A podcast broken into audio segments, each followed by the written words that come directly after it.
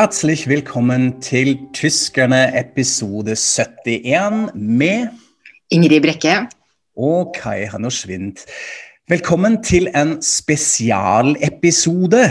Hvorfor er det en spesial? Jo, fordi vi sitter faktisk på Goethe-instituttet i Oslo og ser på mange ansikter på Zoom.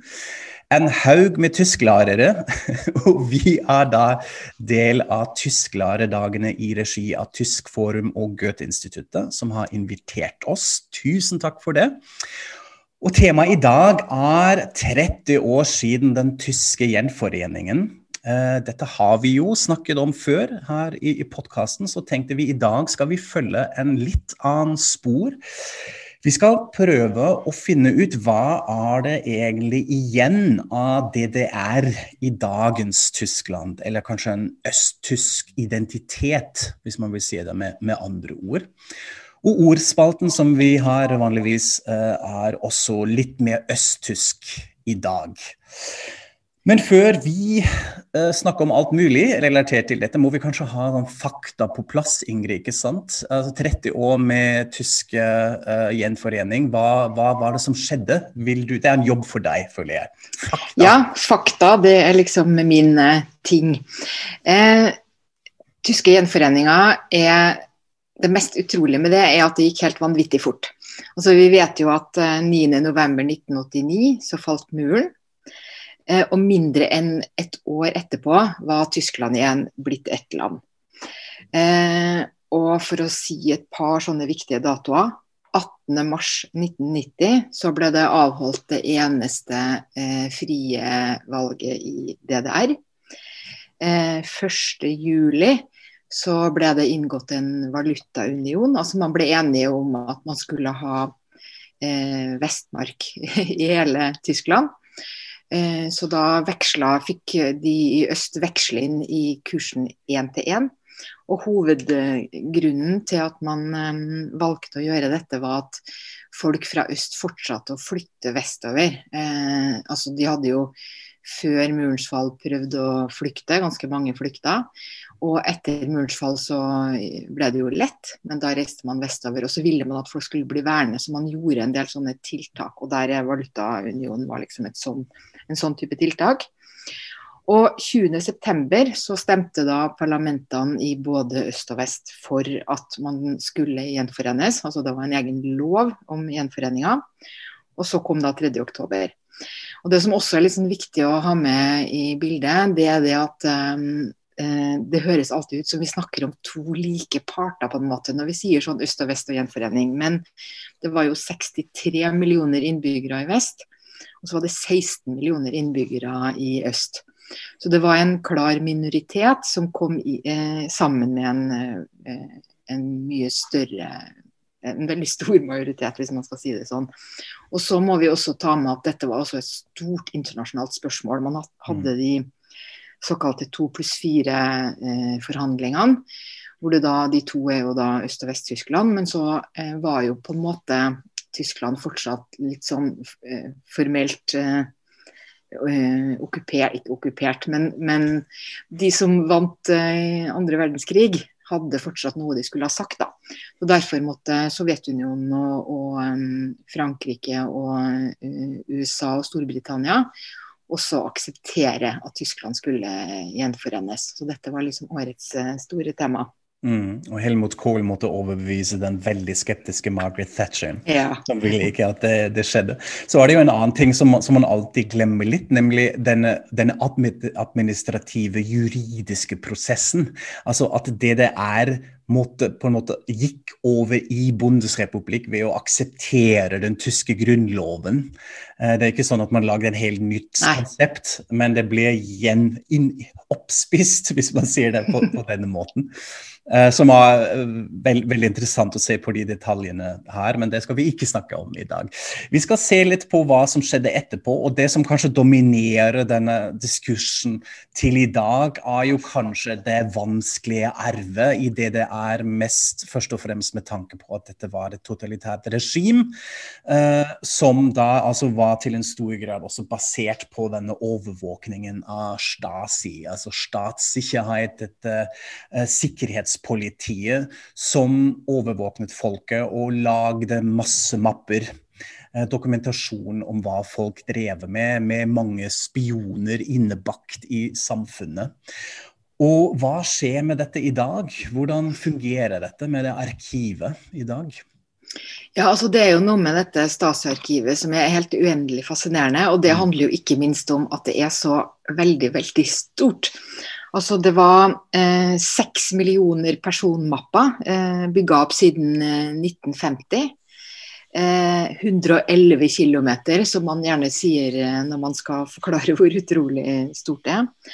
Eh, og det består av masse brev, det består av masse dokumenter, avlyttingsopptak og til og med luktprøver. Altså at de hadde, de hadde folk inne til avhør, så la de sånne eh, type bomullsdotter eller bestemte sånne absorberende materialer på stolen, sånn at folk sin lukt ble tatt opp og putta på glass. Og disse glassene kan man jo se hvis man går på i, i Statarkivet og, og, ser på det nå. Eh, og da muren eh, falt, så begynte jo Stasi selv å ødelegge arkivet. Fordi det inneholdt jo en hel masse kompromitterende materiale også om dem, og hvem som hadde gjort hva og sånn. Eh, og derfor så eh, okkuperte eh, borgerrettighetsforkjempere Stasi-kontorene eh, rundt omkring i det der, altså de lokale Stasi-kontorene i, i Saksen og eh, rundt omkring. Men hovedsentralen i Berlin, der gikk ikke borgerrettighetsforkjemperne inn før i eh, januar. Og da eh, gikk det opp for alvor opp for dem også i Berlin eh, at her måtte man hindre ødeleggelse. Så kanskje så mange som 100 000 storma dette hovedkontoret i Lichtenberg.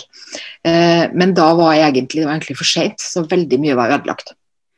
Blant annet så hadde man ødelagt eh, så å si alt som lå under den avdelinga som het Hauptverwaltung Aufklärung, og som handla om eh, utlandet.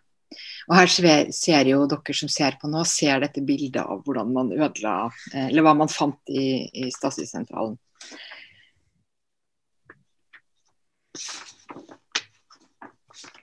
Og det viste seg jo um, at uh, kopier altså eh, Det er en helt spesiell historie knytta til dette dokumentene til Hauptverwaltung Avklaring, som jeg også skrev om i Aftenposten for noen år siden.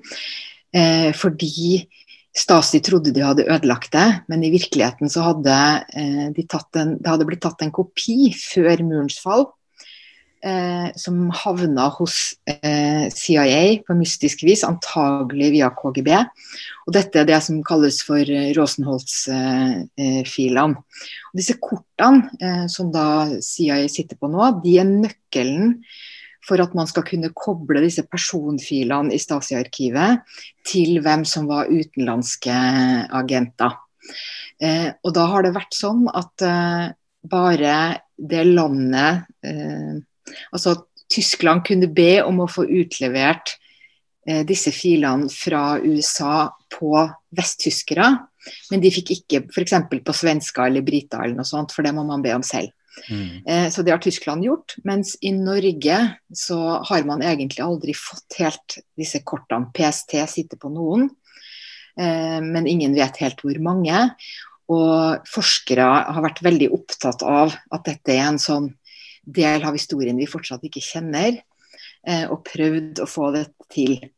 Eh, men de har blitt nekta innsyn i Norge foreløpig, og det er en sånn liten uskreven, ganske spennende del av den norsk-tyske historien. Fins det fortsatt agenter eh, som vi ikke vet om ja. og, og, kjenner til, da? Jeg syns her har vi en Netflix-serie. Ja, her kan det bli en liten Ja, det er veldig spennende, altså. mm. eh, og så tenkte jeg også jeg bare vil si at uh, i dag så tenker man jo på dette Stasi-arkivet som en sånn selvfølge, selvfølge, at det ble tatt vare på. Men den gangen, uh, uh, rundt sammenslåinga, så var det jo mange som mente at man bare skulle fortsette arbeidet som Stasi selv hadde begynt på, nemlig ødelegge hele arkivet. Fordi mm. man var redd for at det skulle bli brukes til mye sånn hevn og hat og sånn. Og en av de som mente det, var jo f.eks. daværende innenriksminister eh, Wolfgang Schäuble, og også mange i, eh, i eh, DDR. Men sånn gikk det ikke. Man bestemte seg for at man ville ha det. Og det aller meste ble jo heldigvis bevart. Og nå må man jo si at det har egentlig eh, vært til stor til det beste at det ble sånn, og det har blitt forvalta på en uh, sunn og fornuftig eh, måte. Og Så har det da eh, også nå i anledning 30-årsjubileet skjedd enda en ny ting med Statsarkivet, nemlig for to uker siden, tror jeg, så ble det bestemt i forbundsdagen at uh, nå skal det lukkes som egen enhet. Det skal overføres til Bondes arkiv. I praksis betyr dette ikke så veldig mye. Man kan fortsatt be om innsyn, og mappene skal være der de er og sånn. Men formelt sett så blir dette nå på en annen måte enn før. Da, en sånn historisk arv for hele Tyskland. Integrert i liksom hele den tyske historien. Mm. Sånn sett er det et sånn symbol at man også kommer har kommet litt videre, ja. ikke sant? At, uh, det, det kan man si. En samlet arkiv. Dette er jo uendelig fascinerende, og det er mye mer man kan si om dette. Um, jeg, jeg tenker ofte på at dette er jo et sånn Et arkiv er forferdelig personlige dramaer som finnes der inne. Og det er ikke alle som har turt å gå inn der og, og se på sine mapper og finne ut hvem som har spionert uh, på dem osv. osv. Uh, fordi dette jo, kan jo avsløre gans, ganske mye. Jeg har vært selv bort i denne tematikken uh, nå, nå, nylig i forbindelse med et hørespillprosjekt. Bjørn forklarte jo innledningsvis at jeg altså, i mitt andre liv jobber som hørespillforfatter og, og regissør. og dette var et veldig interessant prosjekt eh, hvor jeg fikk lov å være med. Eh, Tittelen er 'Artikkel X, elf Geschichten aus dem Grundgesetz'. Eh, altså elleve ulike hørespill som er basert på en artikkel i den tyske grunnloven. Uh, og Først var jeg litt skuffa, fordi jeg, jeg fikk artikkel 10, som er altså postgeheimnis. altså uh, Loven som garanterer at posten er privat, at ingen har lov å åpne den og, og lese inn i den. Og jeg tenkte ok, hva i all verden skal jeg skrive om da? Og da var det nettopp uh, det jeg begynte å tenke på. Hva skjer hvis man altså ikke har denne garantien? hvis staten selv er kanskje med å spionere i denne private korrespondansen, hva skjer? Og så var jeg litt i gang, og så um, begynte jeg å utforske og researche litt. Um, og uh, minnet meg selv på at jeg hadde, sammen, hadde jobbet sammen med en uh, tysk skuespiller, uh, Louise Lono, som dere ser her uh, i bildet, som er faktisk fra DDR. som spilte på teater og på film og på TV uh, i, i, DDR. Og vi hadde altså jobbet sammen i, med, med, noen andre prosjekter, og hadde da snakket om hvordan det var å jobbe som kulturaktør, f.eks. på Deutsche Theater, DT i Berlin, med den uh, østtyske skuespilleliten på den tiden. Og hun nevnte jo nettopp det at dette var utrolig rart, fordi man visste jo ikke helt hvor Stasi hadde vært involvert i, eller med hvem. Hvem var kanskje en spitsel, altså en spion? Uh, plutselig var det en avsløring, en person som forsvant, andre hvor man trodde at de kanskje var involvert, var det ikke, osv. Så, videre. så hele denne stemningen, uh, det syns jeg var utrolig spennende å jobbe med, så jeg skrev jo en historie knyttet knyttet rundt dette. En, uh, en fiktiv person, en skuespiller, som uh, da har spionert på sin egen mann, og som konsekvens etter gjenforening brudd med hele familien sin. Dette er da historien vår, og jeg var så heldig også at Louise uh, spilte hovedrollen. Så de har nettopp spilt inn dette denne uken. Jeg kunne dessverre ikke selv være med, så jeg litt, har dette veldig ferske i hodet mitt, og det passer litt, litt fint her òg. Uh, eh, kommer ut uh, neste år, så vi får se. Uh, hvordan det blir, men, men, jeg er veldig spent. Og som sagt, det, det dramaet både på scenen og i kulissene der er altså ufattelig, og veldig mange sånne, sånne historier. Ikke bare i, i, den kulturkonteksten, dette gjelder jo alle mulige eh, områder av, av, av, samfunnet. Men dette er, slutter ikke å være spennende, for å si det sånn. Men DDR er jo ikke bare undertrykking og Stasi og alt disse dramatiske ting. Eh, folk hadde jo også et hverdagsliv, og da har du funnet på et uh, ganske morsomt og litt rørende eksempel. Ja, Nei, men det er alltid viktig når man snakker om dette at man eh, husker som Roland Jahn, som jo leder disse såkalte Stasi-myndighetene, har sagt. Sola gikk opp og sola gikk ned i det der òg. Vi forelska oss og vi hadde våre liv at det handler om eh, helt alminnelig hverdagsliv. Eh, og for et par år siden så eh, var jeg i Dresden, en, hadde en helt spesiell opplevelse der.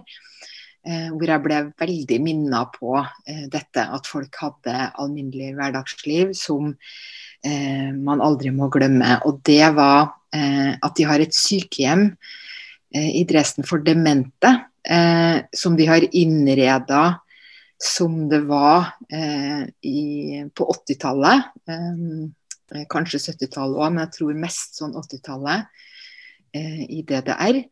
Og hvor da eh, eh, demente holder til. De spiser, de lager mat. Eh, sitter der i disse kjente om, omgivelsene. Og dette skal være en jeg intervjua jo da han lederen på sykehjemmet, og, og dette skal være en sånn eh, en anerkjent eh, metode. Fordi at når folk ikke husker lenger, eh, så kan de bli utrolig stressa av å alltid være i helt sånne ukjente omgivelser. Og det er jo også veldig spesielt i det det er at mange da eh, man ble gjenforent, så det var faktisk mange som nesten kvitta seg med alt de hadde som, som eh, av sånn historiske altså møbler, alt som de hadde inne i husene også. Eh, fordi de ville ha det nye og spennende og vestlige. Så mye har vært borte. Så, hadde, så, det var en kjempejobb for dem å samle sammen alt dette og lage eh, disse lokalene. Da. Så det syns jeg var veldig, eh, veldig fin og litt merkelig eh, opplevelse. Ja, det er sånn merkelig, merkelig rørende. Jeg, jeg, når du forteller det, så må jeg egentlig tenke på at dette er den sånn virkeligheten av Goodbye Lenin-filmen. altså, ja. Hvor sønnen må også skape en sånn fake det det er rundt, fordi ellers uh, tåler mora som har nettopp våknet fra koma, ikke denne den nye virkeligheten. Og så litt det med disse uh, ting som man kan også se her på bildet, at dette var jo et sånn kjennetegn av den første bølgen av det man kalte for ostalgi i Tyskland på slutten av 90-tallet, sånn, hvor man da var veldig opptatt av sånne DDR-produkter, Rotkäppchensektor, Spreewaldgård og alt det der som man fikk en sånn kultopplevelse rundt. Så det, det var jo for dem den vanlige hverdagen. Men det fins ikke bare gamle ting, ikke bare tilbakeblikk. ikke sant? Vi har også funnet noe som er helt aktuelt. Ja, og det er det at jeg har et slags eh, ja, favorittukeblad, kan jeg kanskje kalle det, nemlig Sopoillo. Eh, som er da eh, det, er, det, er, jo egentlig ikke en DDR-ting, fordi at eh, man begynte å gi det ut i eh, 1990. Så det feirer også sitt 30-årsjubileum eh, i år. Og ILO, det, altså det, handler jo om at det er et illustrert eh, blad. Ja, Forkortelse er det altså, Sope illustrerte er det egentlig. Ja. Illo, ja. ja. Um, og uh, dette er da et um, Det er Burda som starta det. Mm, Borda må vi kanskje også si. Det er sånn Borda sånn store mediehus i Tyskland som eier mange aviser, Bonte og en del andre, og også litt involvert i TV. Og så skulle de da erobre den østtyske markedet. Etter. Ja, mm. og målet, målet, deres var å gi eh, østtyskerne en slags sånn eh, Heimatgefühl. Altså at eh, kjendisene som skulle være her, det skulle da være de østtyske kjendisene og, og alt sånt. Eh, og de var jo gigantiske i begynnelsen. De hadde, de hadde, opplag på 900 000 og var det største mediet i den delen av Tyskland. Eh, I dag er de eh, mye mindre. I dag har de under 200 000. Eh, men det er utrolig morsomt å se på dem. Altså, jeg begynte å lese det litt fordi at jeg bare var interessert. Og så er det jo også litt deilig når man er utlending og leser ukeblader og slapper av litt av og til, fordi det er så mye bilder, og så er det mye sånn horoskop. Og, ja, og det er horoskop og helsegreier, og du skjønner mm. mye. Ja. Men eh, hvis man ser på det eksempelet som er her, da, så ser man jo at dette kunne jo aldri vært utgitt i vest. F.eks. aller øverst på førstesida. Dette kjøpte jeg jo nå eh, for tre uker siden eh, når jeg var i Tyskland. Så er det altså Friedrich Engels eh, din, din nye gråse serie. Så man har også tre i tre uker på rad så forteller man da historien om Friedrich Engels. Mm. Altså denne eh, Marx, eh, altså filosofen, sosialisten.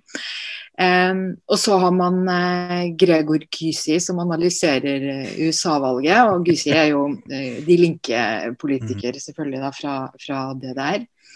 Og så har man disse stjernene, eh, en haug med stjerner eh, som er veldig bekymra for kulturlivet.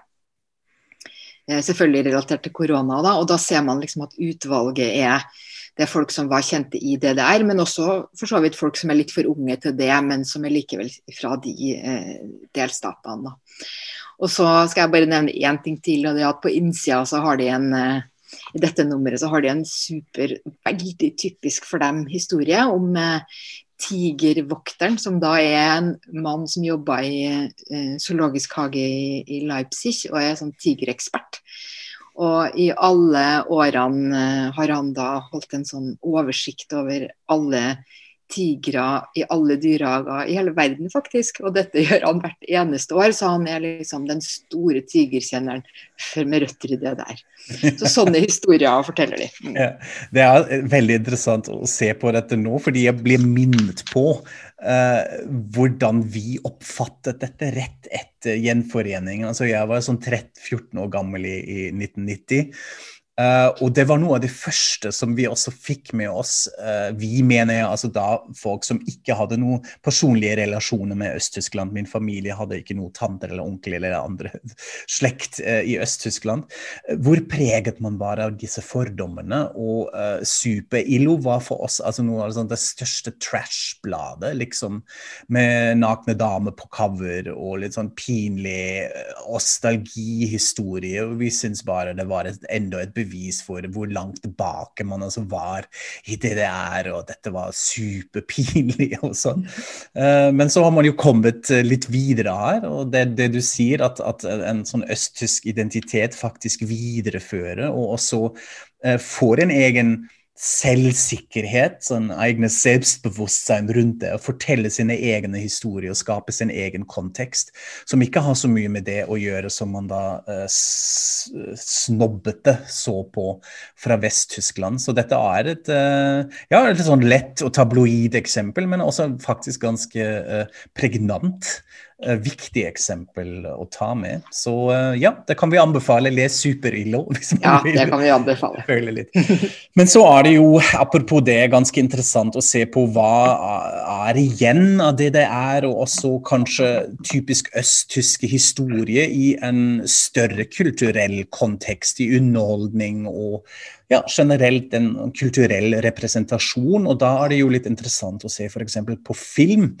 Eh, fordi dette var også preget litt av kanskje en sånn samme trend. Man begynte jo tidlig på 90-tallet allerede å fortelle østtyske historier på film, men kanskje da preget av en sånn vesttysk blikk, for det meste, i hvert fall i mainstream kino, når man tenker på sånne fjollete komedier som Go Trabigo, som handler altså om denne trabantbilen og med, med en tysk skuespiller, eh, østtysk skuespiller i hovedrollen og sånn. Uh, før man da sakte jobbet seg videre med filmer som 'Goodbye Lenin' til å fortelle også egne historier, og selvfølgelig også få frem østtyske regissører og manusforfattere og integrere også disse østtyske skuespillerne.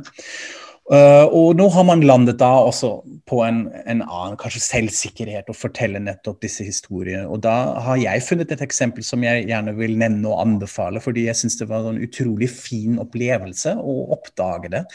Nemlig filmen 'Gundermann', som kom ut um, i fjor. Uh, uh, og fortelle den historien av den faktiske Uh, visesangeren uh, Gerhard Gundermann uh, fra DDR, som døde dessverre i 1998. Som han kalte for 'den singende baggerfarer aus der Lausitz'. Altså den syngende gravemaskinen kjøren fra regionen Lausitz. Lausitz Ada, ja, det er en sånn region sør i Brandenburg, øst i Saksen og går faktisk over til Polen. Uh, og som hadde et utrolig fascinerende liv og var veldig veldig kjent i, i, i DDR, og absolutt ikke i, i Vest-Tyskland, i, i, hvert fall ikke under uh, DDR-tiden. Um, det som gjør det han så interessant, at han blir en, en stor rockestjerne. Han, uh, han, jobber da som sagt i disse kullgruvene uh, med gravemaskinen sin, men uh, lagde også låter om det livet der. selvfølgelig litt sånn kjærlighet osv., så men også politisk preget fordi han var en overbevist kommunist. Han støtta eh, tanken uh, av DDR, eh, i hvert fall. Og det som gjør det litt sånn dramatisk også, at han faktisk ble en uoffisielt Stasi-informant. Eh, altså en, eh, en, person som hjalp Stasi. Han hadde dekknavnet Grigori. Etter hvert ble han også medlem i SED, altså i kommunistpartiet. Uh, i 1977 ble da, fordi han var en litt sånn kranglefant generelt med masse sterke meninger, ble han ekskludert pga. jeg elsker disse begrunnelser, uønskede meninger wegen unerwünschte Meinungen. Så var det mange protester innenfor partier som sa han burde fortsatt være med. Så ble han tatt opp igjen og fikk bare en som det het, alvorlig reprimande. En ernste ruge. Bare for å så bli ekskludert igjen i 1984 pga. prinsipielle eigenvillighet. Det er det beste ordet. Hvordan oversetter man det på norsk best? Prins, prinsipiell eh, egenrådighet eller stahet. Stahet, eller, ja, av, stahet av prinsipp, eller ja, det er veldig bra. Ja. Så han var litt av en type, og dette egner seg selvfølgelig eh, som filmmateriale, og det har altså skjedd nå, filmen 'Gundermann'. Um, laget av Andreas Dresen, en ganske kjent østtysk uh, regissør, som er kanskje mest kjent i Norge um, pga. filmen 'Halve treppe' fra 2002, som vant faktisk Sølvbjørnen under Berlin filmfestivalen. Uh, og så er det skuespiller Alexander Scheer i hovedrollen som Gundemann, som, som spilte dette så bra at han vant Lola, altså den tyske filmprisen, uh, som beste mannlige hovedrollen for denne filmen uh, i år, faktisk. Jeg tror det var det i begynnelsen at det kom ut. Så jeg tenkte vi kan jo bare se på traileren. Da får dere litt inntrykk av stemningen i, i, i filmen. Og dere hjemme, lytterne, dere hører litt på det også. Det begynner med en av hans mest kjente, faktisk veldig fine låter. Så her er traileren til filmen 'Gundermann'. Du bist in mein Herz gefallen, wie in ein verlassenes. Hast die Türen und Fenster weit aufgerissen. Das Licht kann rein und raus. Jetzt kommen die fetten Tage, Linda. Wir haben so lange auf dich gespart. Was sollen wir euch sagen, Kinder? Warum willst du in die SED? Weil die Ideale des Kommunismus auch meine ganz persönlichen sind. Also, wenn es die nicht schon gäbe, war die Weltanschauung, dann hätte ich da auch selber drauf kommen können. Und ich habe keine Zeit mehr, Rolf. Ich muss nicht noch Wahlen? Frühschicht. Ciao. Den Ämtern meine Treue. Entschuldigung, ich wollte nicht stören.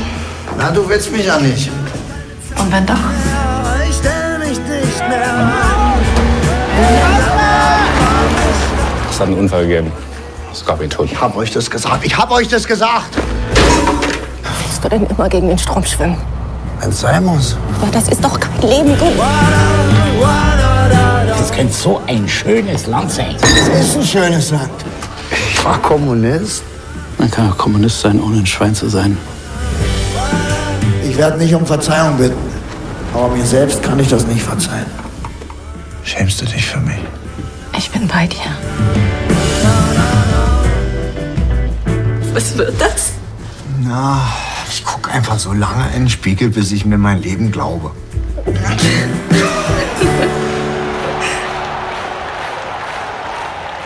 Veldig fin replikk, dette her. Jeg syns den er kjempefin. Eh, spesielt kanskje også fordi dette er en sånn en biografifilm som ikke lider av dette biografifilmsyndromet eh, som vi har sett i mange andre filmer nå om Elton John eller Freddie Mercury, hvor det er liksom mye parykk og falske tenner og sånn. Dette er veldig fin laget, fantastisk spilt av han eh, Alexander Scheer, og så er det så full med typisk typisk er ikonografi. Altså, da er det sånn kull, og det er grått, og det lukter litt sånn svett og øl og SED-stemning, eh, som, som jeg syns man kommer veldig tett på. Og så er han jo en veldig fascinerende person som jeg tror også representerer noe som man har glemt litt i den offisielle samtalen. Nemlig her er det en utopist, en som faktisk syns dette er en god idé med denne sosialismen, som kunne jo ha fungert hvis man kanskje hadde tilpasset litt og hadde gjort det litt bedre. Det er veldig interessant å se også hvordan han klarte seg etter sammenslåingen. Han ble jo oppdaget av tyske medier også, som snakker om han og prøvde å snakke med han. Og jeg fant et veldig sånn, superfascinerende klipp på YouTube hvor han sitter i et talkshow i 1996, faktisk med Anne Will, som var da ganske ung. Hun er noen av de kjente tyske talkshow-programledere i dag. og hun spør han ja, hva, hva, sier du, angrer du at du var med, at du jobber for Stasi og at du var med i SID? Og da vrir han seg litt i stolen og sier nei, jeg angrer ikke det nødvendigvis, men jeg var jo så mye yngre da. Jeg hadde jo kanskje gjort ting litt annerledes, eh, den, den gamle Gundermann nå enn den 20 år gamle. Og dette syns jeg var veldig interessant å se. Så en del smerte som henger igjen, selvfølgelig. Og for oss vesttyskere er det en sånn interessant motvekt også til en person som Wolf Biermann, altså en som er mye mer kjent i Vest-Tyskland, som også en vissanger, en, en, en protestlåtskriver som ble kasta ut av det det er regimet og har den stor karriere da i, uh, i Vest-Tyskland. Så dette her syns jeg er en, en veldig typisk øst-tysk historie, som nå er del av sånn, vår felles kulturarv, syns jeg. Så det er veldig gøy og en fin anbefaling. Apropos anbefaling, uh, vi har også tatt med oss uh, to bøker som vi tenkte vi skulle nevne til dere. Eh, anbefale litt. Eh, litt sånn med ulik, en ulik stemning, kanskje. Eh, vil du begynne, Ingrid? Hva har du med? Jeg kan begynne. Altså, jeg har med meg Jeg gjør nå en slags, begår en slags dødssynd, for jeg har med meg en bok som jeg enda ikke har lest, men som jeg bare har veldig lyst til å lese. Eh, Ines Geipel om Kempfte Sone. Den kom i, i fjor. Og eh, jeg så en eh, paneldebatt eh, der hun deltok og ble veldig fascinert. og den har jo også fått supre kritikker og vært bestselger og er blitt en ganske kjent bok i hele denne øst-vest-diskusjonen. Og den har som undertittel 'Mein Brode de Osten und der Hass'. så det er et slags forsøk på å forstå hvor kommer Mm, det, dette hatet som ofte virker eh, mer intenst fra en del krefter i øst eh, enn i vest. Eh, og hun er så interessant, fordi hun har jo selvfølgelig selv eh, DDR-bakgrunn. Og hun var veldig kjent, hun var friidrettsstjerne. Eh, en av de som ble eh, dopa, eh, altså som man jo gjorde i idretten eh, den gangen. Dopa folk uten at de nødvendigvis visste om det eller hadde noe valg eller noe. Så hun har vært med i sånn eh, antidoping, eller sånn offer for dopingregimet, eh, mm. organisasjon, og blitt sett gjennom det. Eh, og har også skrevet flere romaner og, og er en sånn kulturpersonlighet. Eh, Og her er noe av det hun prøver å formidle, da, det er hvordan så mye av det som er vanskelig kanskje øh, å, å, komme helt innpå og forstå øh, disse kreftene, disse politiske kreftene som kan oppfattes som destruktive i øst. Hvor kommer det fra? Og at det egentlig handler om en slags sånn taushetskultur mm. som eh, er mye eldre altså som er eldre enn DDR. Som var sånn eh, Man hadde krigen, og etter krigen snakka man ikke om det. Så hadde man disse årene med diktatur hvor man ikke kunne snakke, og så kommer da eh, murens fall og gjenforeninga, og så klarer man ikke å snakke åpent om det enda heller. Eh, og så har man familiekulturer som er ikke åpne, og så, ja. og så bygger det seg opp en masse sånne krefter som ligger der og dirrer, og som man ikke helt klarer å håndtere. Eh, nå vet jeg jo ikke hvor godt gjengitt dette var, siden jeg jo da ikke har lest den ennå. Men jeg tror, det, jeg tror, virkelig dette Jeg kommer til å lese den, jeg kan jo gå videre på det da. Men det er en veldig spennende og bok som er sånn innifra, eh, hvis vi vil forstå. Mm. Jeg har dem på lista, og det høres veldig spennende ut. Og er en fin oppbygning til min anbefaling, som om vi hadde avtalt dette. eh, nemlig eh, boken 'Nachwende Kinder, die DDR, unsere Eltern und das große Schweigen'. Det er jo nettopp det du var inne på, den store tausheten. Eh, som er skrevet av uh, Johannes Nichelmann, en journalist som jeg egentlig uh, kjenner fra en helt annen kontekst. Han er med i panelet til podkasten eh, til Deutschlandfunk med kanskje verdens mest pretensiøse tittel, nemlig, nemlig 'Lakonisk elegant'. Jeg vil ikke gå inn på dette. Og han har også laget en fantastisk dokumentar om et sånn forsvunnet van Gogh-bilde. Så der ble jeg først kjent med han som, som, journalist, men han er også altså født i 1989 eh, i Berlin, og det er litt avgjørende, fordi det er akkurat det denne dokumentariske eh, journalistiske boken handler om. Nemlig om den såkalte tredje generasjonen, altså alle de som har født litt sånn helt på slutten av DDR, eller litt etter, og som er da litt lost med nettopp denne historien uh, og en egen identitet uh, som er jo fortsatt østtysk og preget av, av, det arvet, men samtidig er de altså gått inn i Fellestyskland Felles-Tyskland og møter alle disse fordommene og kanskje en sånn egen usikkerhet mot sin egen fortid. Og dette er uh, selvfølgelig også uh, en veldig biografisk skildring da, i uh, sammenheng med hva Nichelmann selv gjør. fordi Han ble altså født i Berlin, så flytta familien til Bayern.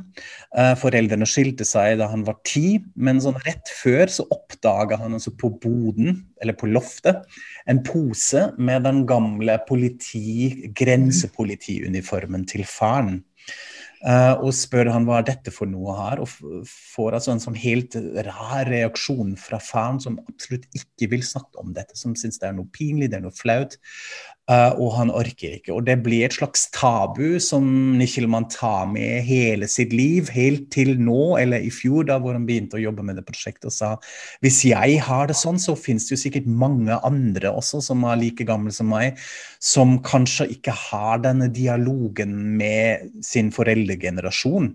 Så han reiser rundt i hele Europa, uh, møter mange østtyskere fra denne tredje generasjonen og snakker med dem, inter intervjuer dem.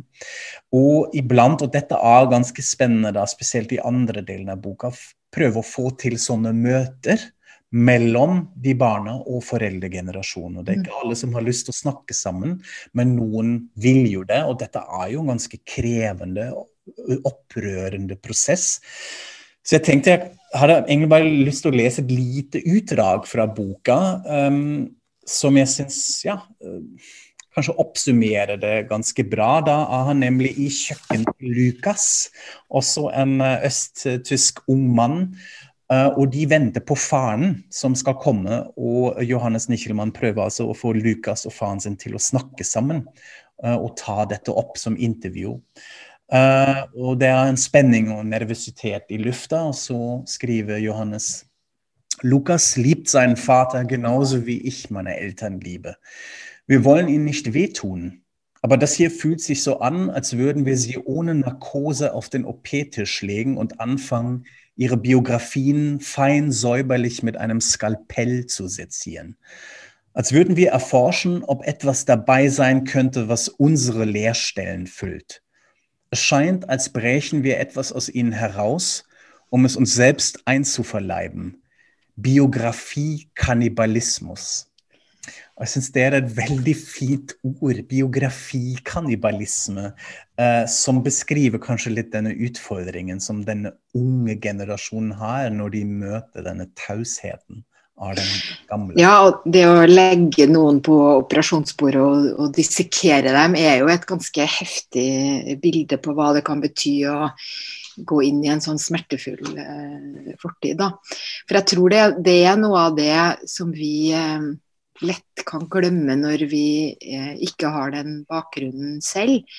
Nemlig hvor enormt stor eh, hele den prosessen var. ikke sant? Hvor, eh, for hva var egentlig den gjenforeninga? Eh, jo, du hadde en hel kultur, et helt folk, som hadde levd i flere årtier på en måte og i et system. Og fra en dag til en annen så forsvant det, og man var liksom kasta ut i en ny verden og skulle ordne seg.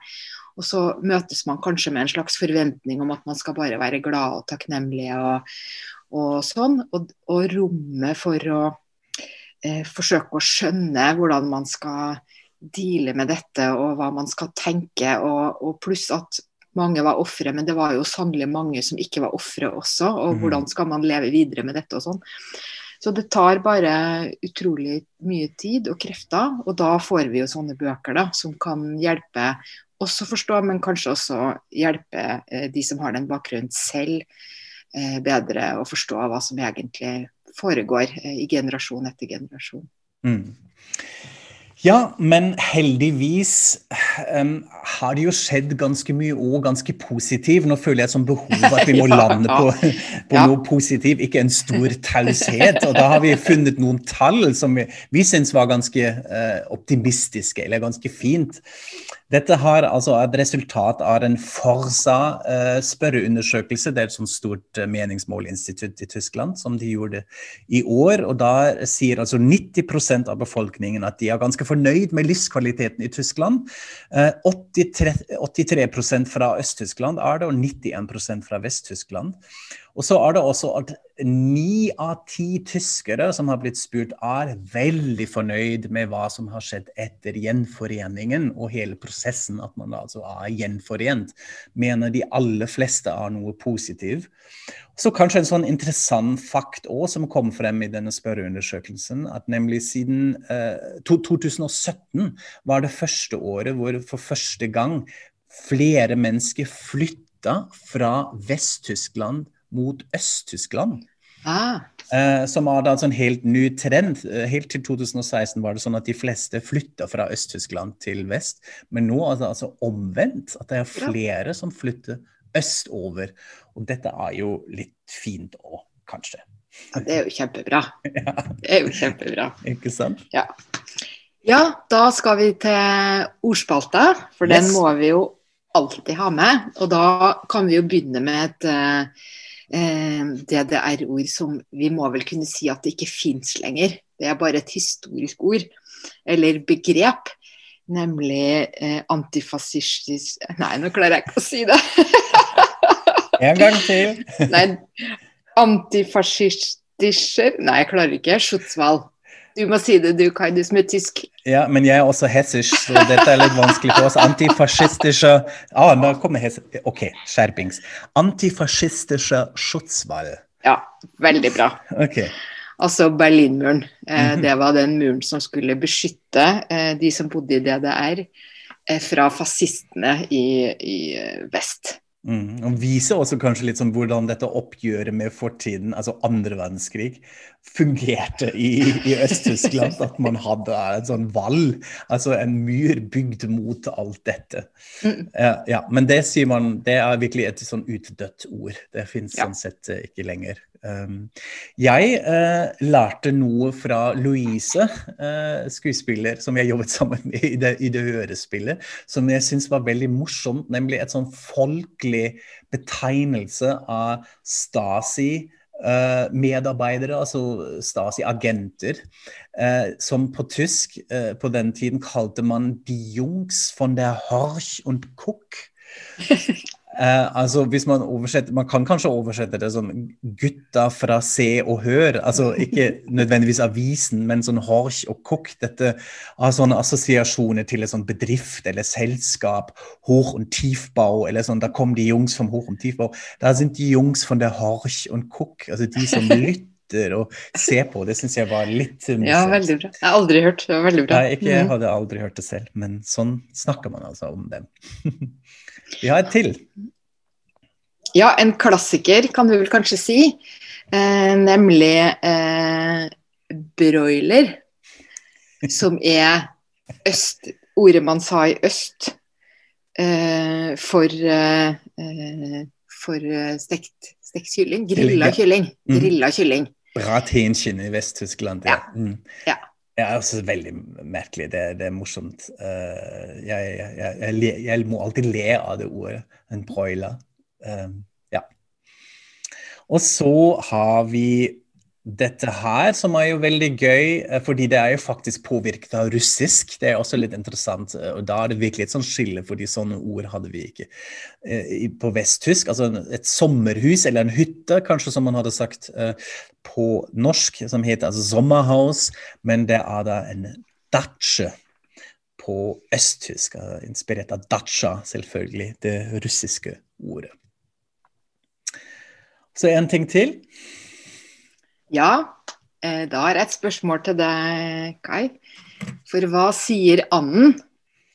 Anden på tysk eh, Ja. sier selvfølgelig kvakk, kvakk, kvakk, kvakk, kvakk. Ja, og da kan jeg si ja, det sier du fordi at du er fra vest. Eh, for når jeg drev og googla og skulle finne noen sånne eksempler på, på østord, så fant jeg en artikkel hvor de forklarte at uh, dette er en veldig bra måte å teste hvor folk kommer fra på, fordi i øst så sier ikke Anna kvakk, kvakk, men sier nakk, nakk, nakk. Og det er frosken som sier kvakk, faktisk. Ja. Ah, ja, det det. Eh, og det, dette skal da visstnok komme fra eh, en DDR eh, barne-TV-serie. Og igjen, ifølge artikkelen, så eh, blir dette gitt videre til barn eh, fortsatt i dag, da. Så det er fortsatt sånn at enderen sier eh, nakk, nakk, nakk i de Østtysk- Ja, Østtyske ender sier nakk, nakk, nakk. Ok. Det er veldig viktig. Det trenger vi eh, når vi skal snakke med hverandre. fordi det er jo også et sånn kjennetegn her at man, eh, selv om vi gjør det fortsatt ganske mye, at vi litt sånn snakker om hverandre, eh, så er jo det som er gøy, at vi har begynt å snakke mye, med, mye mer med hverandre. uh, i- i dag, Uh, så da må jeg også lære meg det. Hvis jeg snakker med en østers person, må jeg si ja. Så det er kanskje et fint eh, sted for å runde av. Eh, da sier vi takk. Takk for oss. Takk for alle som eh, hørte på oss, også her live på Zoom. Uh, og vi er straks tilbake. Følg oss på Facebook, uh, også på Instagram. Da finnes vi jo også. Uh, ta kontakt med oss. Vi gleder oss alltid til å eh, når vi hører fra dere. Så er vi straks tilbake, og så sier vi auf Wiederhøen. Auf Wiederhören.